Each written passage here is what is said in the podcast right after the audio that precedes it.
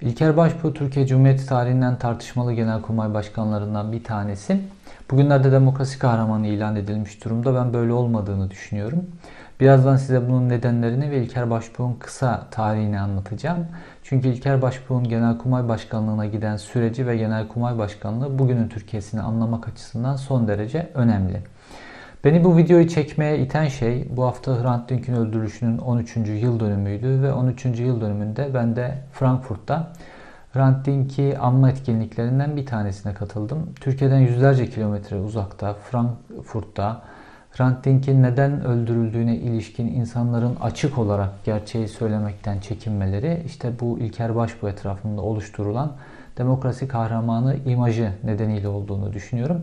Neyse ki programdan çıktıktan sonra Sevan Nişanyan'ın e, bu konudaki tweetlerini gördüm. Onun da benim gibi düşündüğünü görmek sevindiriciydi. Hatta Sevan Nişanyan e, işte Hrant Dink'in barış elçisi olduğu için vesaire öldürüldüğünü düşünenlerin bir şekilde cinayetin üstünü e, örtmeye yaradığını, üstünü örtenlerin işine yaradığını ve buna hizmet ettiğini düşünüyor. Ve Seven Nişanyan da benim gibi cinayette İlker Başbuğ, Yaşar Büyükanıt ikilisinin etkisini açık söylüyor. Peki Hrant Dink barış elçisi için olduğu için mi öldürüldü yoksa Hrant Dink neden öldürüldü? Sabiha Gökçen'le ilgili yazdığı yazıyla başlayan süreç nedeniyle mi öldürüldü? Şimdi burada durup İlker Başbuğ'un tarihine geçelim. Sonra adım adım İlker Başbuğ'un tarihinin bizi nasıl Hrant Dink suikastine, cinayetine götürdüğünü göreceğiz. İlker Başbuğ e, internet andıcı davası nedeniyle e, gözaltına alındı ve tutuklandı. Tartışmalı bir tutuklamaydı bu.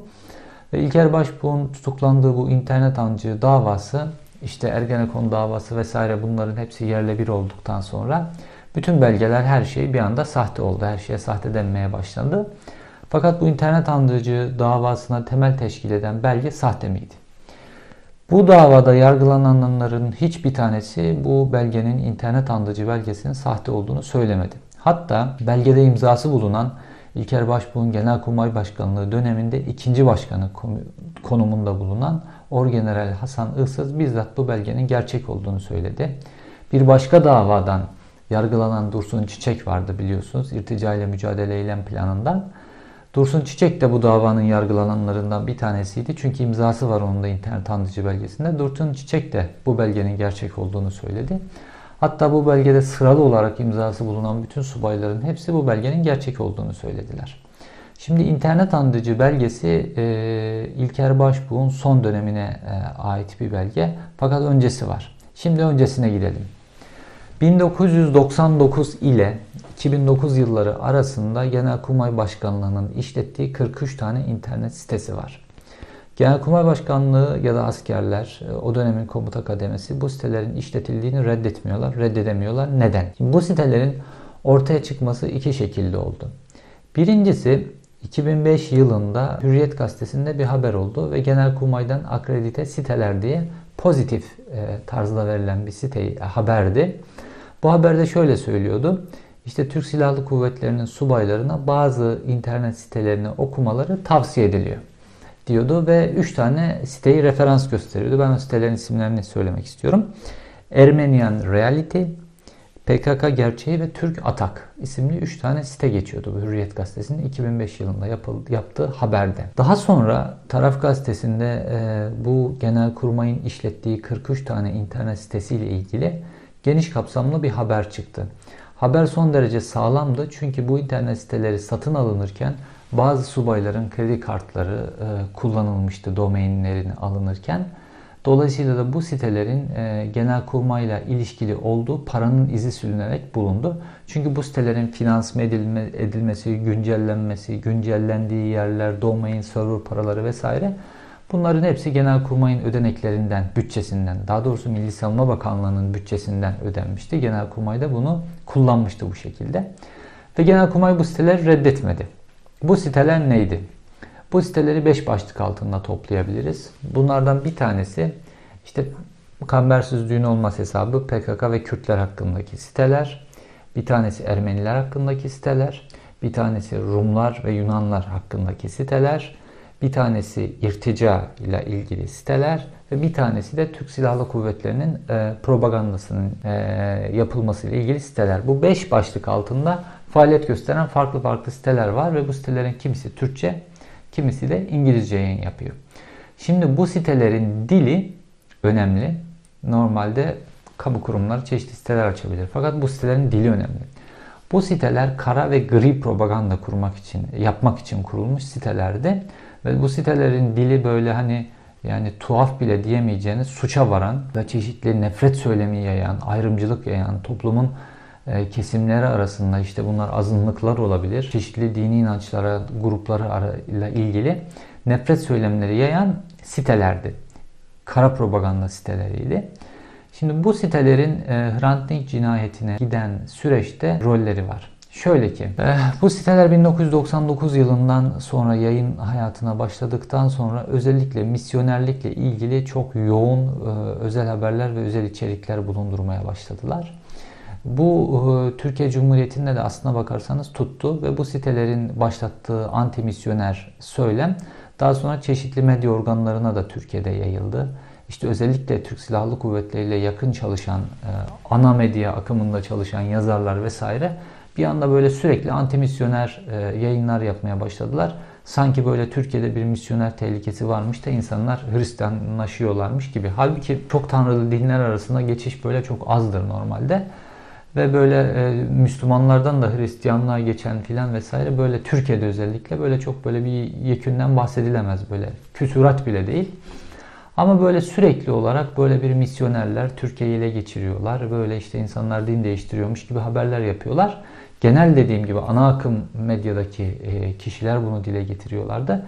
Gerekse de işte Yeni Masaj, Haydarbaş grubu vesaire gibi kişiler durmadan böyle bunun propagandasını yapıyorlardı. Özellikle Karadeniz bölgesinde. Haydarbaş biliyorsunuz Trabzon kökenli ve Trabzon'a yoğunlaşmış bir grup. Hatta bu iş öyle bir noktaya vardı ki e, yani böyle hiç aklınıza gelmeyecek kişiler böyle böyle bir misyoner tehlikesini e, dile getirmeye başladılar. Hatta Rahşan Ecevit o dönem işte dönemin e, Cumhurbaşkanı Ahmet Necdet Sezer'den randevu alıp Türkiye'deki misyonerlik faaliyetleriyle ilgili bir rapor sundu böyle. Yani o zaman çok şaşırmıştım ben mesela. E, bu tip böyle her kesimden böyle bir misyoner korkusu yükseltilmeye başlandı. Ve bu misyoner korkusu özellikle de böyle işte bu sitelerde hazırlanan, yayınlanan böyle videolar üzerinden Facebook vesaire farklı yerlere taşındı. Özellikle Karadeniz bölgesinde böyle halkın arasında nüfuz eden işte az önce ismini söylediğim Haydarbaş grubu gibi gruplarda böyle ipsiz sapsız diyebileceğimiz kişilerin bu propagandaya maruz kalmasının önünü açtılar yerel düzeyde. Rum nefreti çünkü bu siteler arasında Pontus vesaire gibi e, siteler de vardı. Bir Rum nefreti, bir misyoner korkusu vesaire yayılmaya başlandı ve sonra daha sonra işler ilerletildi, ilerletildi ve bu sitelerde belli böyle hedef gösterilen azınlıklardan işte bazı rahipler, bazı kiliselerin yöneticileri gibi kişilerin ev adreslerinin yayınlanmasına kadar e, ve bu kiliselerin adreslerinin yayınlanmasına kadar iş gitti. Mesela Trabzon'da bir Rahip Santaro cinayeti var biliyorsunuz.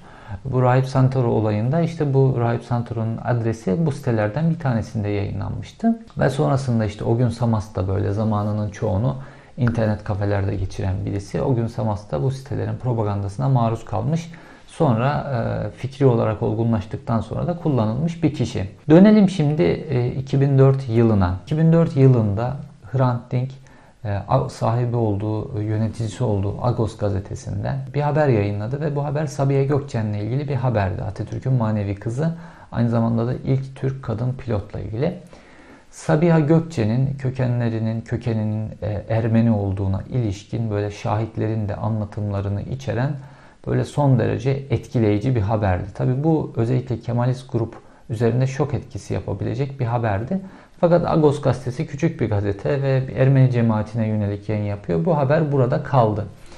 E, fakat Genelkurmay Başkanlığı buradan özellikle Hrant Dink'i mimlemiş oldu. Sonra ne oldu?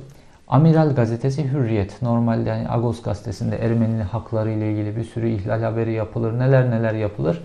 Bu haberlerden hiçbirisine yer vermeyen Hürriyet gazetesi, Agos gazetesinin bu Sabiha Gökçen'le ilgili haberini alıp kocaman sayfalarına taşıdı.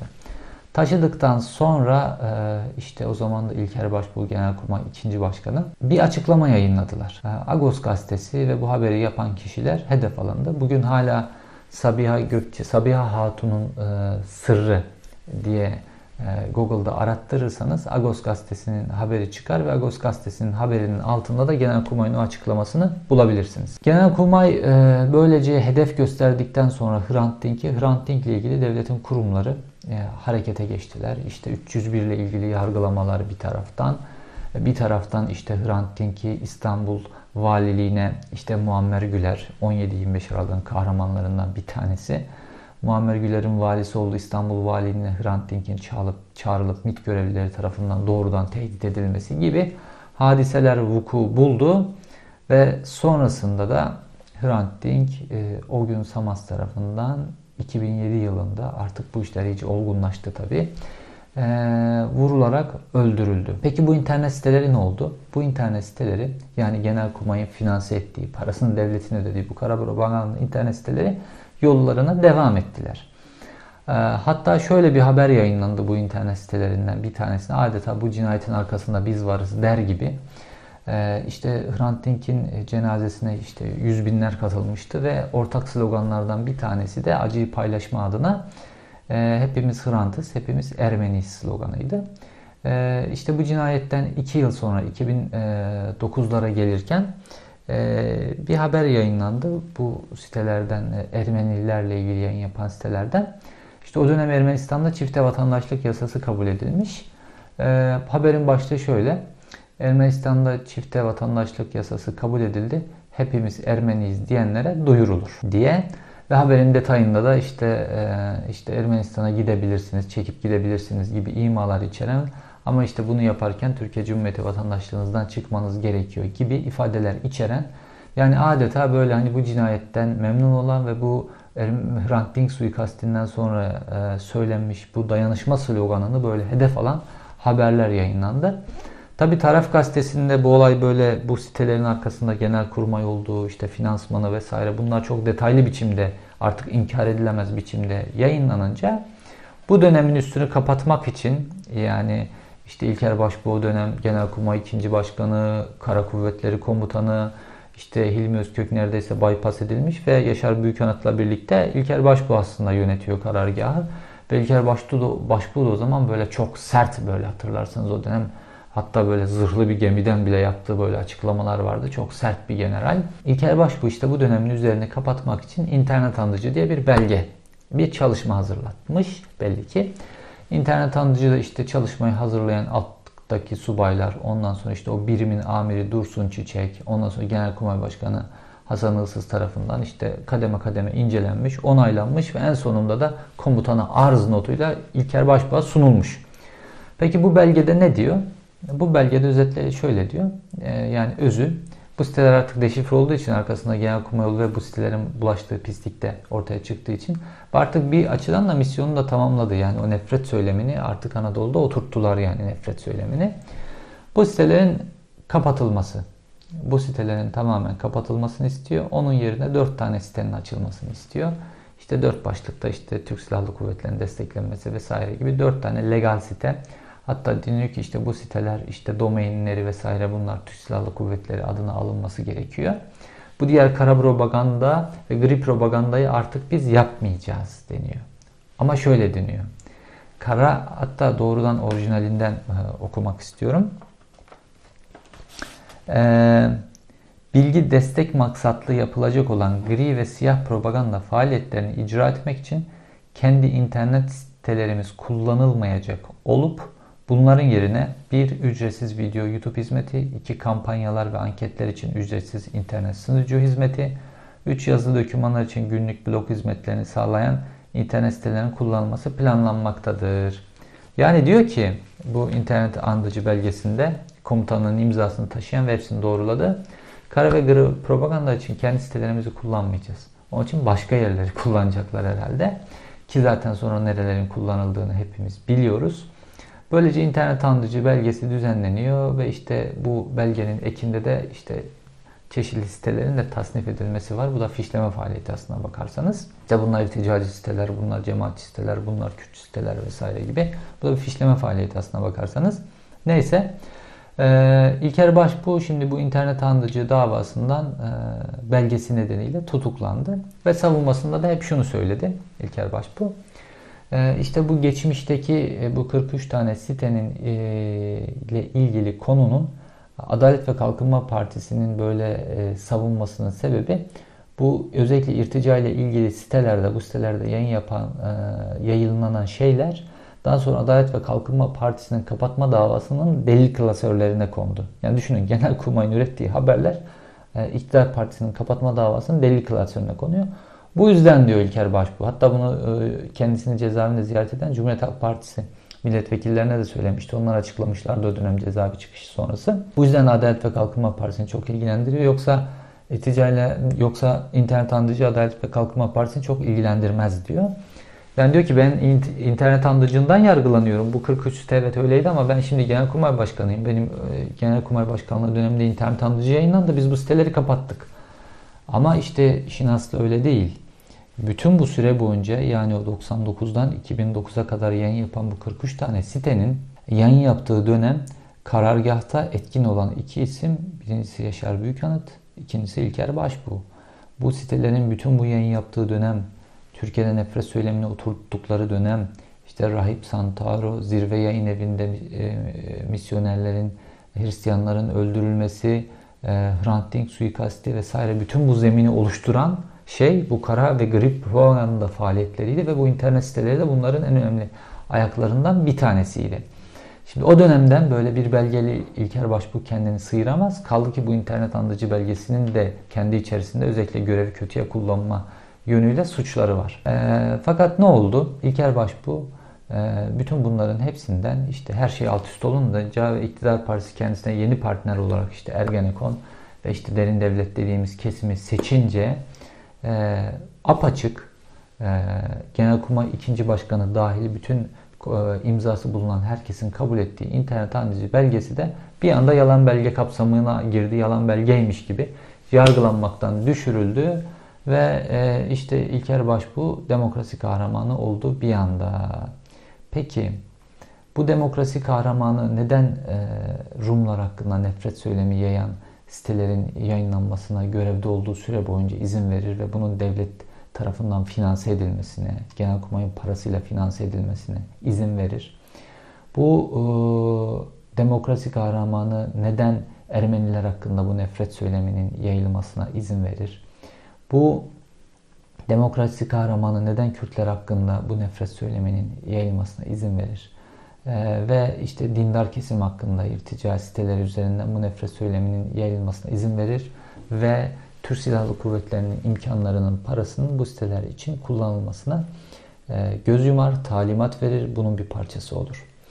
E, bu nasıl bir demokrasi kahramanlığıdır? İşte Hrant Dink suikastine giden yol, Sevan Nişanyan'ın da söylediği gibi öyle e, Hrant Dink barış elçisi olduğu için vesaire değil yani. Hrant Dink e, rejimin bam teline dokundu. Yani e, bir e, Ermeni yetim kız çocuğu olan Sabiha Gökçe'nin esas ismi Hatun aslına bakarsanız Atatürk tarafından evlat edinilmesi, bir Ermeni yetimhanesinden alınması olayında işte o Kemalizmin kahramanlaştırdığı ilk kadın pilot, işte Kemalizmin rol modeli kadınlarından bir tanesinin kökeni Bam tellerinden bir tanesidir. Oradan gidecek başka bir yol vardı. O yol e, Kemalizmle ilgili başka tartışmaları getirecekti. Rejimin bam teline işte o dönem karargah halinde bulunduran Büyükanıt ve Başbuğ dokunulmasına izin vermediler. Ve e, bu cinayet yine Sevan Nişanyan'ın dediği gibi bu sebeple öyle kapalı vesaire olmadı böyle aleni aleni aleni e, işlendi ki aleni işlenmesi gerekiyordu. O dönem nefret söyleminin oturtulması için. Ki nefret söylemi o dönem Ermeniler ve misyonerler için oturtulmuştu ve bu saydığım cinayetler işlendi. Fakat işte Kürtlerle ilgili oluşturulan nefret söyleminin sonra Güneydoğu'daki şehirlerin yerle bir edilmesinde nasıl toplumun duaya duyarsız kaldığını gördük. İşte bu nefret söyleminin oturtulması Ee, işte bu sitelerden önemli bir kısmı da Gülen cemaati ile ilgili yayın yapıyordu ve internetin arşivini neredeyse doldurmuştu bu nefret söylemiyle. Sonra bunun da toplumda nasıl karşılık bulduğunu ve Gülen cemaatinin de başına e, türlü türlü işler geldiğinde toplumun nasıl duyarsız kaldığını gördük. Bu yüzden İlker Başbuğ yakın dönemin fikri şekillendirmesinde özellikle milliyetçi kesimin e, zihni şekillendirmesinde çok önemli bir e, rol modeldir, önemli bir isimdir. Ve Türkiye'nin bugününe baktığımızda da Türkiye'nin şu anda iktidarda olan fikri yapısı, ideolojisi e, aslına bakarsanız milliyetçiliktir, İslamcılık falan değildir. E, ve milliyetçilik şu an Türkiye'nin iktidarına oturmuştur. E, bu milliyetçilerin e, Türkiye'yi bir batının bir parçası olarak görmesi söz konusu değildir.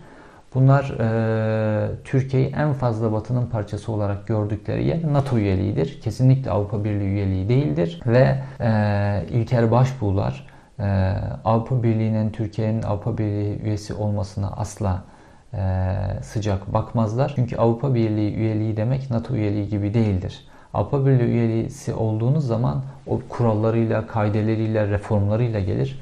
Ve bu kurallar, kaideler, reformlar e, yasal değişiklikler bunların hepsi işte bu milliyetçi zihniyet, İlker Başbuğ zihniyetinin yerle bir olması demektir. Bu yeni nizamda bu tip aşırılıklara, bu tip gri, kara propagandalarla iş yapan insanlara yer yoktur. Fakat NATO üyesi olunca bunların hepsini yapabilmek mümkündür. Bu kesimin, bu İlker Başbuğ'un temsil ettiği kesimin e, yönünün batıya dönüklüğü ancak NATO ile sınırlıdır, Avrupa Birliği ile sınırlı değildir. İşte Hrant Dink de bu yüzden e, Ermenistan'da bile Türkiye'nin e, Avrupa Birliği'ne üyeliğini savunmuştur.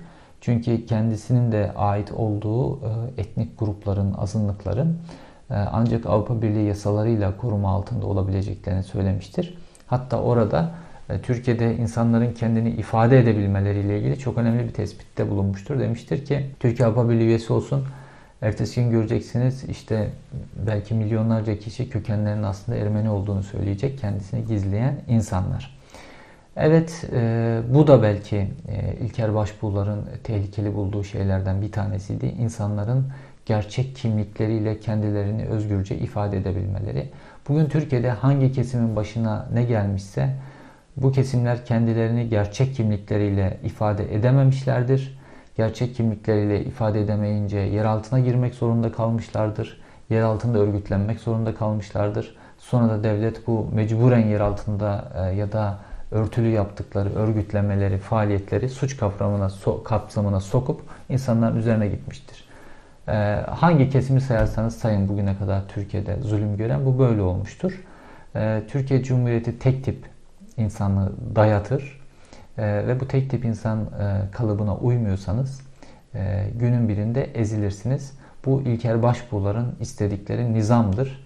Ve şu anda İlker Başbuğlar'ın istedikleri nizam iktidardadır. Bu yüzden de çok memnunlardır. Bu zihniyeti iktidarda olduğu sürece de bu şekilde uygulamalarla iktidarda olduğu sürece de İlker Başbuğlar'ın öyle bu kişilerin başlarının, eşlerinin başlarının açık olmasından, kapalı olmasından herhangi bir şikayetleri yoktur. İşin özeti budur. İlker Başbuğ bir demokrasi kahramanı değildir.